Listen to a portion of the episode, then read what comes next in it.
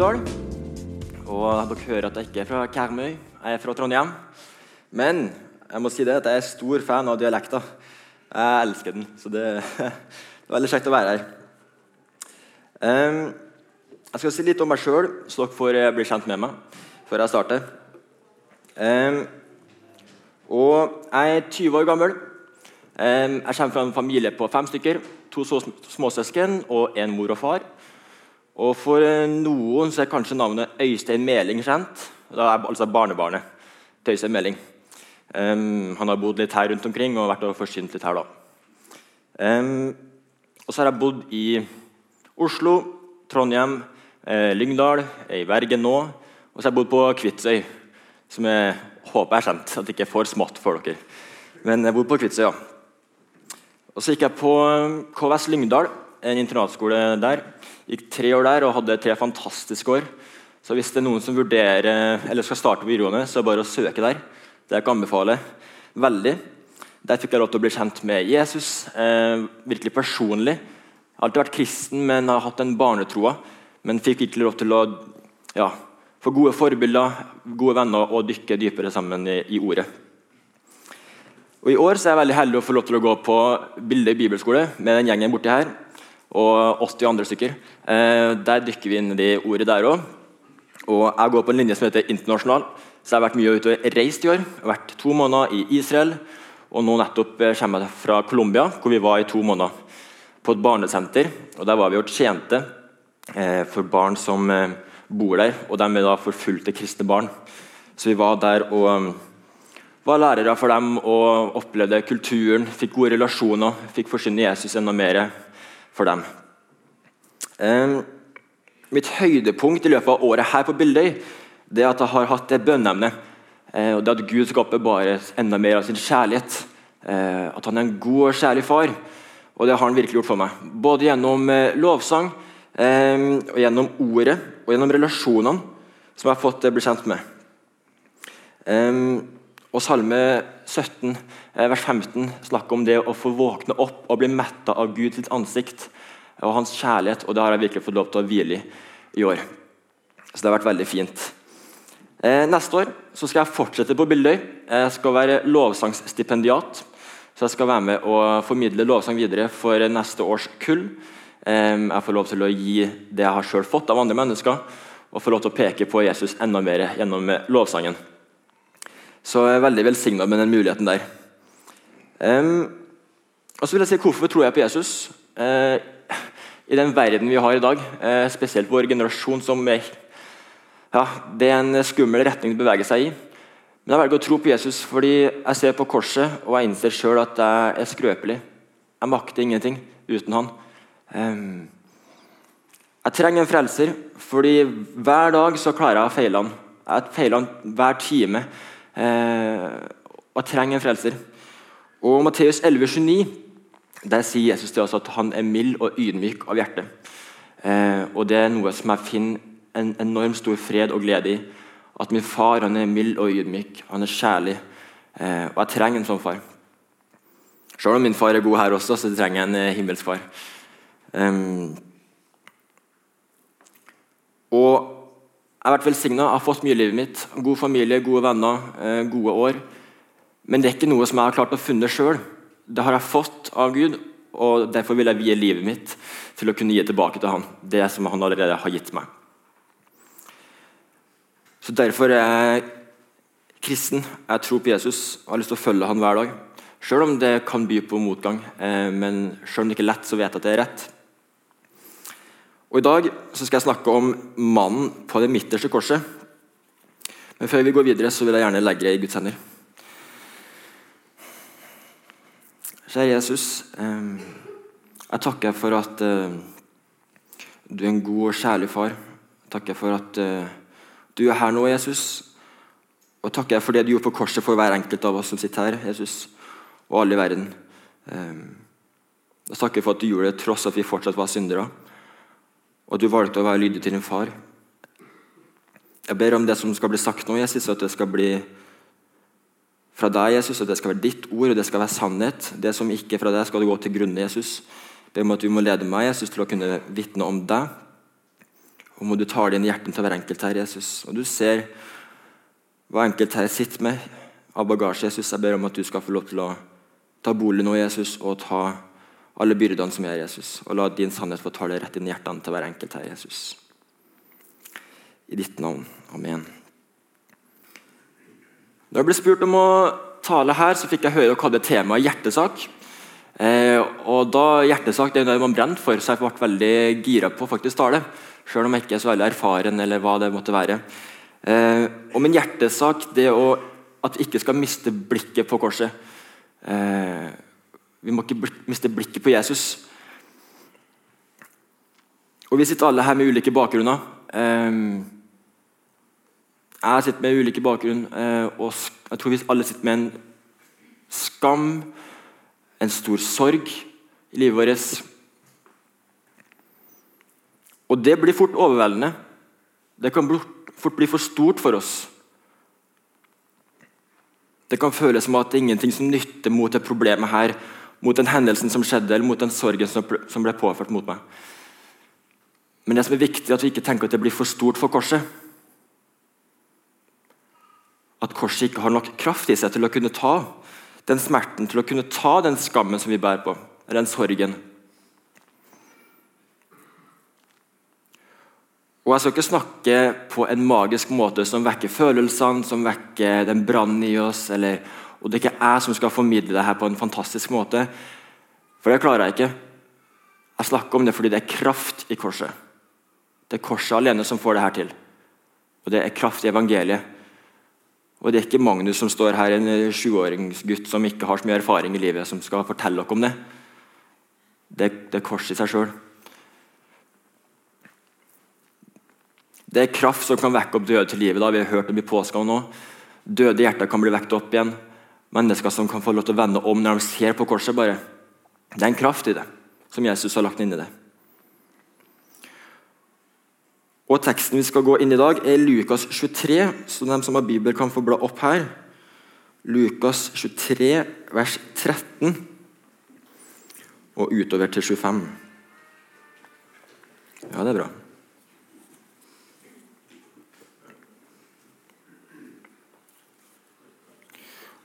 Da leser vi om Barabba som blir satt fri, og Jesus tar hans straff. Og Da leser vi da Pilatus hadde kalt sammen øversteprestene, rådsherrene og folket, sa han til dem.: Dere har ført denne mannen til meg som en villeder for folket. Og se, jeg har nå ført ham framfor i påhør av dere. Men jeg har ikke funnet noen skyld hos dette mennesket, slik dere har anklaget ham for. Heller ikke Herodes fant noen skyld, for jeg sendte, for jeg sendte dere tilbake til ham. Og se, han har ikke gjort noe som fortjener døden. Jeg vil derfor piske ham og løslate ham, for han måtte løslate en for dem i høytiden. Alle ropte på en gang, 'Bort med dette mennesket!' Gi oss Barabas fri. Barabas var blitt kastet i fengsel for et opprør som hadde vært i byen, og for mord. Fordi Pilatus ville gi Jesus fri, ropte han igjen ut til dem. Men de ropte tilbake, 'Korsfest ham! Korsfest ham!'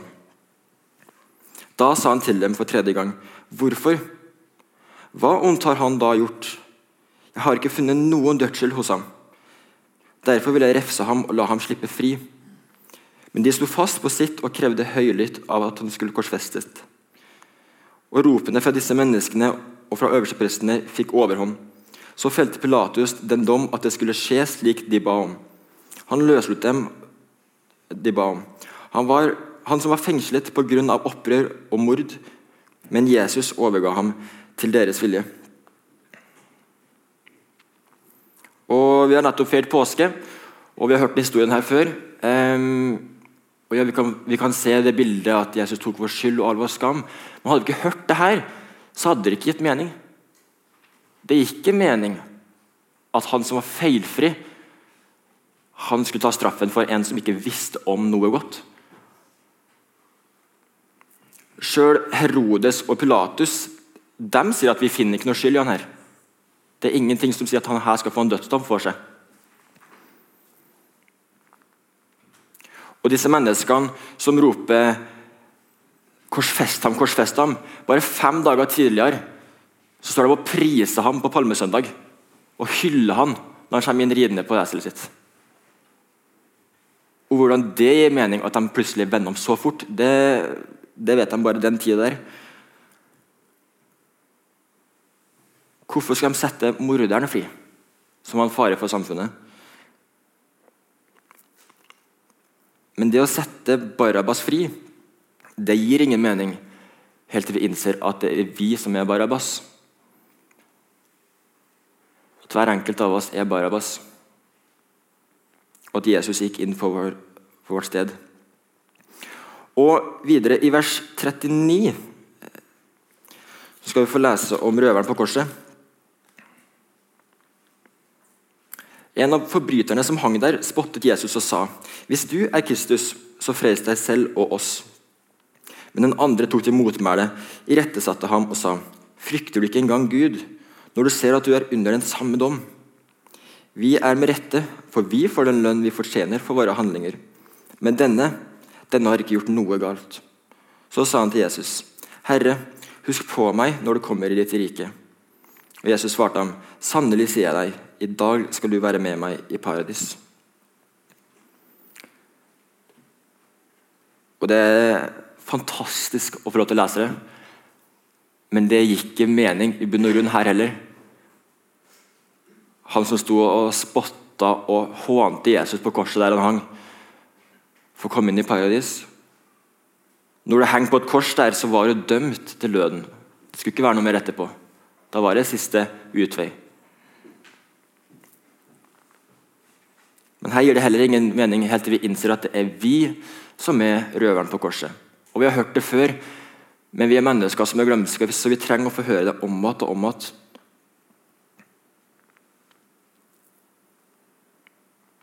Men for denne røveren og for Barabas, som er oss, så finnes det et håp. For hver den som tar imot Jesus, så finnes det et håp. Det finnes et løfte om en fantastisk dag og en herlighet, en evig herlighet sammen med Jesus. Og Dette lovte oss i Johannes' åpenbaring eh, 21, for dem som vil bla opp her. 21, vers 1-7.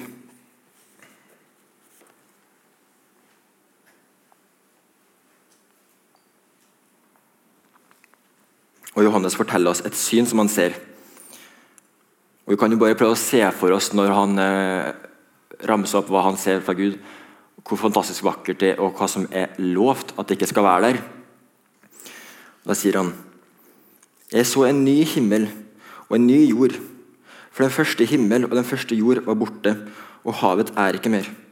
Og jeg, Johannes, så den hellige byen, den nye Jerusalem, komme ned fra Gud ut fra himmelen gjort i stand som en brud i smykket for sin brudgom. Jeg hørte en høy røst fra himmelen som sa:" Se, Guds bolig er hos mennesket, og han skal bo hos dem. Og de skal være hans folk. Gud selv skal være hos dem og være deres Gud. Gud skal tørke bort hver tåre fra deres øyne, og døden skal ikke være mer.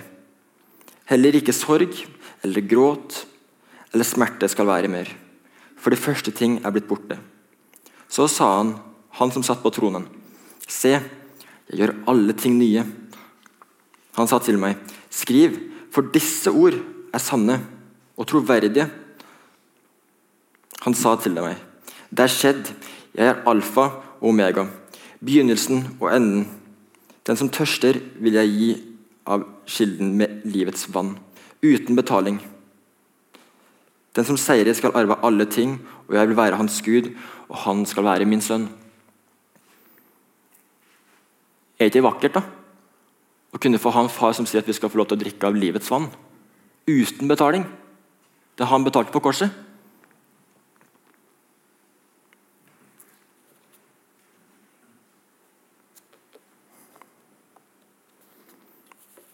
Blir lovt at det er en fremtid uten noen sorg, uten noen skrik, noen smerte,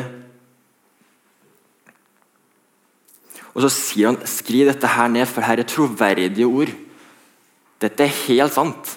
Dette skal skje en gang. Og jeg, jeg klarer ikke å se det for meg. Jeg blir nesten litt sånn eh, redd når jeg tenker på evighetsperspektivet. For jeg, Vi får ikke til å se det for oss. Men det er fint å hvile i at det er Gud som vet, og det er Gud som har kontrollen på det.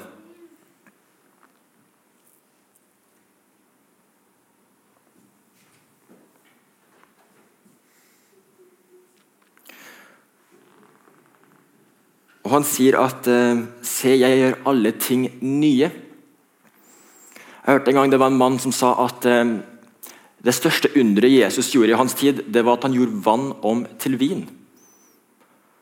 Og Da kan man tenke ok, det er jo litt rart, fordi han eh, vekte jo opp mennesker til, til liv igjen. Han fikk lamme til å gå, han fikk blinde til å se. Men så sa han noe som var litt interessant.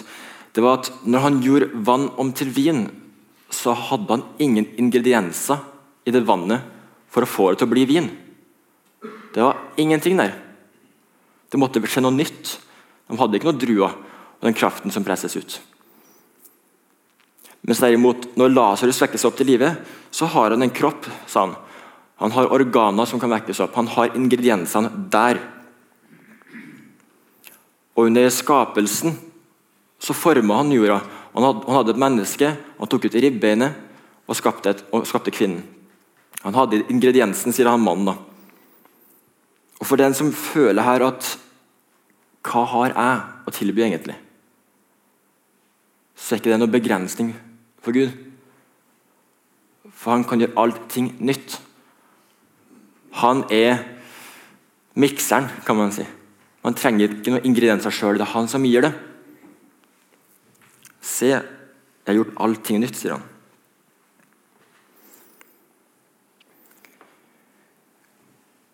Og Jeg liker sjøl å se for meg hvordan var det å være på de ulike plassene og de hendelsene vi leser om i Bibelen. Hvordan var det når havet ble delt i to? Hvor høyt var det? Hvordan var det sammen med fiskene som svømte forbi? Eller hvordan var det for Daniel når han var i løvehula? Hvordan var løvene, hvordan oppførte de seg rundt han? Eller hvordan var synet til Daniel, som, han, som vi leser i Daniel 7 og 10? Når han ser den eldste og den som ligner på en menneske. Sitte på to troner. Hvordan så det ut? Og hvordan så det ut når Jesus gikk på vannet? Det, det gleder jeg meg til å se for meg når jeg kommer opp der og får snakke med Jesus. Um, og når jeg forbereder talen her, så, så, ga Gud meg et bilde. Um, så jeg vil at vi kan lukke øynene våre, og så skal jeg Si det, han, det Gud viste meg, og så kan du få lov til å se det for deg, og så gjøre den personlig. Så vi kan få lukke øynene våre. Så skal jeg lese opp. Du sitter i en knelerposisjon for deg sjøl. Og det er et tungt lag av mørke rundt deg. Kun du alene. Du ser ned i bakken, og der er det en vanndam. Den vanndammen er av dine tårer. Og du vet sjøl fra ditt eget liv hva som er grunnen til disse tårene. All smerten og sorg som ligger bak det.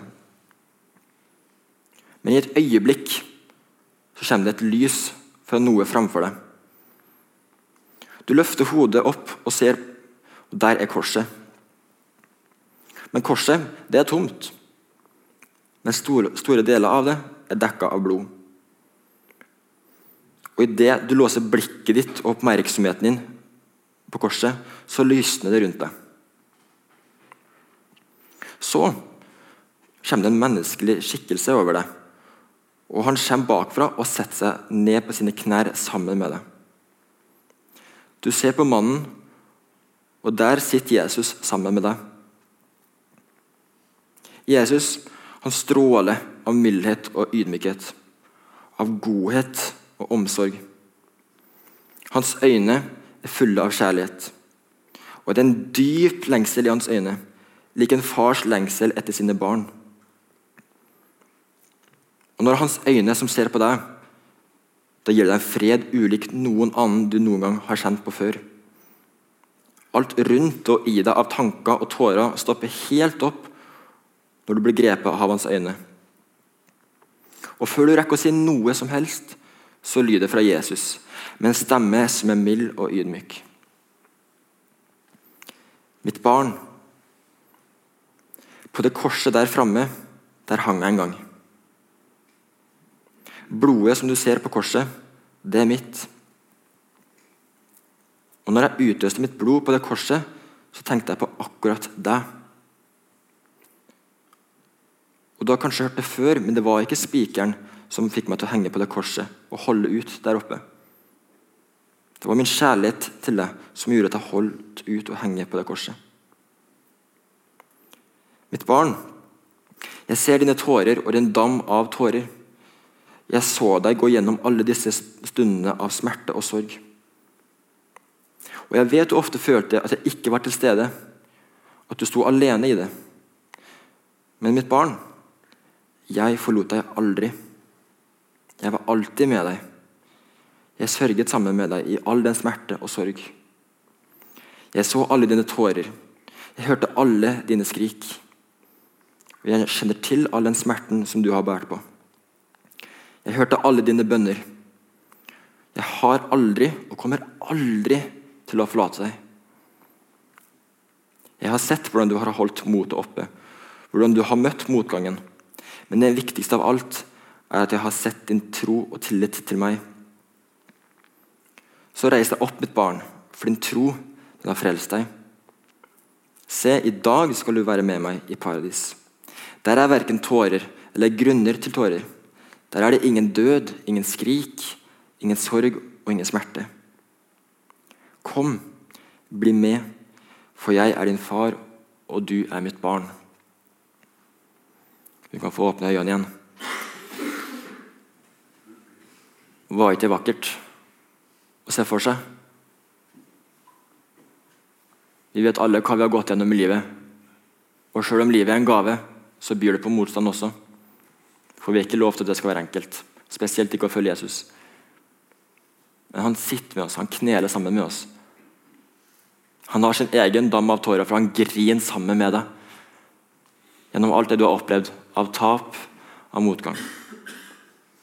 For Gud han er en kjærlig far. Han lengter etter å få kunne tørke hvert enkelt tåre av deg vekk.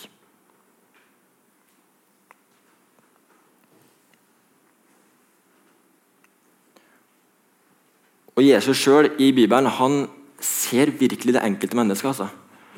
Jeg vet ikke, Noen som har sett den nye serien Chosen opp måneden? Ok, bra. Det blir ikke helt uh, nytt. ok. Um, og Der legger de evangeliet fram på en vakker måte, syns jeg. Det er ikke alt de viser som står i Bibelen, men de gjør det på en vakker måte. Vi ser kvinnen som blødde i tolv år. Og På en tid her så måtte de jo renses eh, i syv dager før man kunne være med mennesker. Mens hun her har vært i tolv år. Og Da legger de det fram som at familien de har kasta ut, de kan ikke være i nærheten av henne. Det sa loven. Hun har ingen foreldre. Hun sier sjøl at hun kalles ikke noe, hun er ikke barn til noen. Hun er, hun er, ikke en datter av en far lenger, sier hun. Og Det er en sorg hun bærer på i tolv år. Og I scenen hvor kvinnen rører ved kappefolden til Jesus, så svarer han ikke bare 'Å ja, så kjekt du tok meg på eh, Kappefolden og du hadde tro til meg. Nå, nå er du frelst.' Nei, han sier 'Min datter, din tro har frelst deg'. Han så akkurat hva hun trengte. Min datter. Det hun ikke har blitt kalt på på tolv år pga. noe som ikke var hennes skyld. På en sorg, pga. en smerte. Så ser han den enkelte personen. Matteus i tollerboden blir hata på hele veien. Han blir kalt tolleren, svikeren. Aldri navnet sitt. Men når Jesus kaller på Matteus, så sier han 'Matteus, følg meg'. Han kaller hver enkelt her etter navnet deres. Han ser hver enkelt.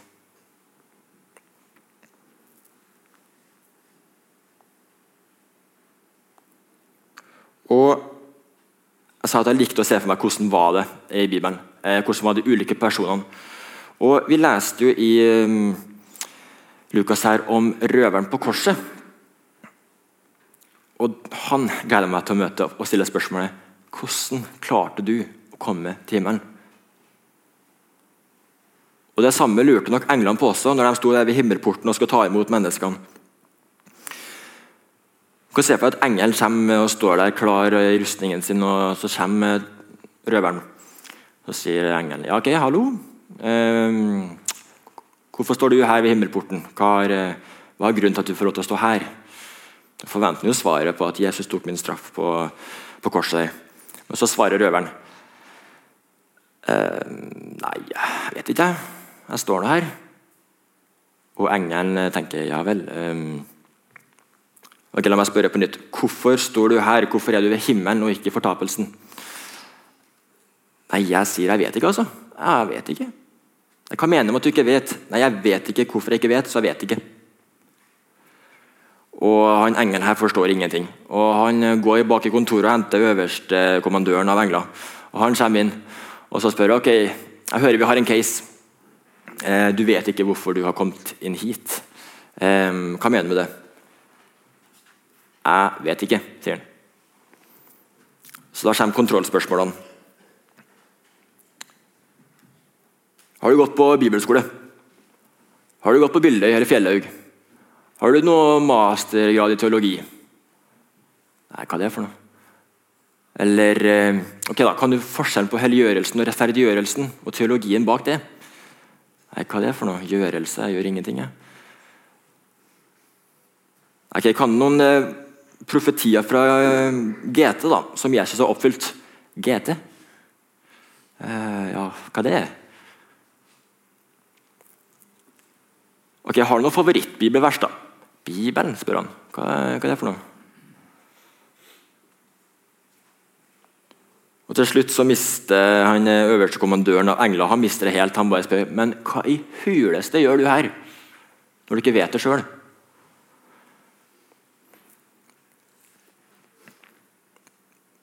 Men da svarer røveren det vi alle sammen egentlig skal svare. Han sier mannen på det midterste korset han sa at jeg kunne få komme. Mannen på det midterste korset sa at jeg kunne få komme til han i dag. Og dette sier Gud til deg i dag. Du som kjenner at det har vært tungt i det siste. At du kanskje har mista blikket på korset. At du føler at sorgen eller skammen er for stor. Han sier at du er velkommen.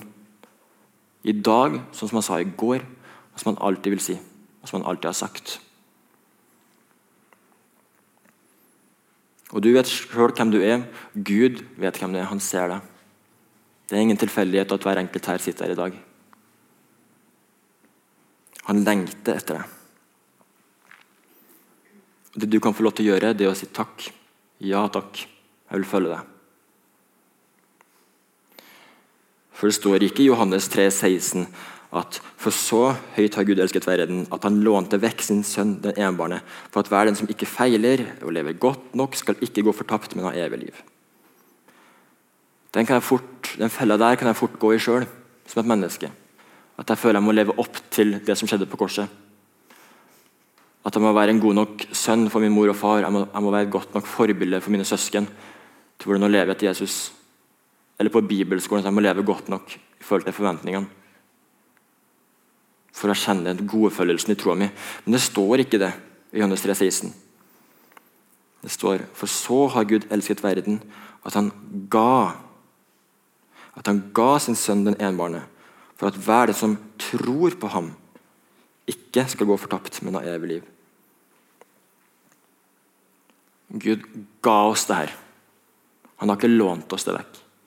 Han har gitt det til oss. Og vi skal få lov til å bare tro. Det er det eneste kriteriet. Og ja, jeg tenker at jeg har hørt det før. Jeg trenger ikke å høre det på nytt. Men vi trenger å høre det på nytt.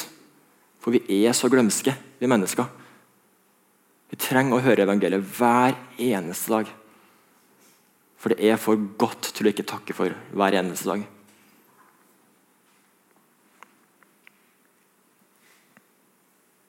Og vi er alle syndere som trenger en frelser som har betalt all vår gjeld av skyld og skam.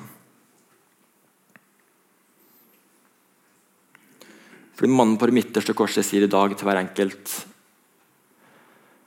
at du er velkommen.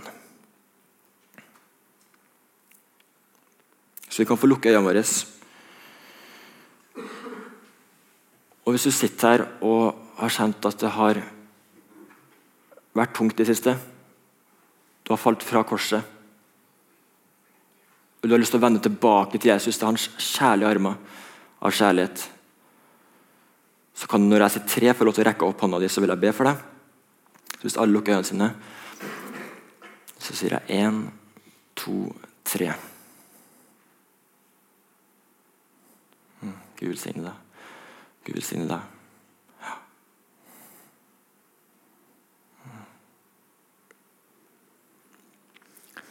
Kjære Jesus, jeg takker for at eh, du står alltid med åpne armer, Jesus. Jeg takker for at du er god, og at du ser hver enkelt her, Jesus. Du gleder over at vi får lov til å samles her Jesus, over om ditt navn, Jesus. Jeg ber for hver enkelt som valgte å ta imot igjen, Jesus. Jeg vende tilbake til Jeg ber om at du virkelig skal la dem få bli overveldet av din kjærlighet nå, Jesus og den nåden som du har for dem, Jesus. La dem få lov til å kjenne på en fred av å kunne gå deg i møte, Jesus. At det, ikke at det er ingen skam. Det er ikke du som har skapt skam, skammen, Jesus. Jeg takker for at du er trofast, Jesus, selv når vi er troløse. Takker for at du lengter til hver enkelt her, Jesus, og blir mer kjent med oss. At vi kan få lov til å bli mer kjent med deg, Jesus. Jeg vil takke for kors, Jesus. At du tok all vår skyld og all vår skam, Jesus og bar det oppå deg, Jesus, og vant over døden, slik at vi kan få evig herlighet sammen med deg, Jesus, vi som velger å tro på deg. Må du hjelpe oss til å vitne om deg, Jesus, gjennom livet vårt, til menneskene rundt oss. Og la livet vårt få lov til å peke på deg, Jesus. Må du velsigne møtet videre, Jesus, og dagen videre. Du ser uka som ligger framfor Jesus. Jeg ber om at det skal få lov til å være en uke til ære for deg, Jesus, i hver enkelt sitt liv. I ditt navn, Jesus. Amen.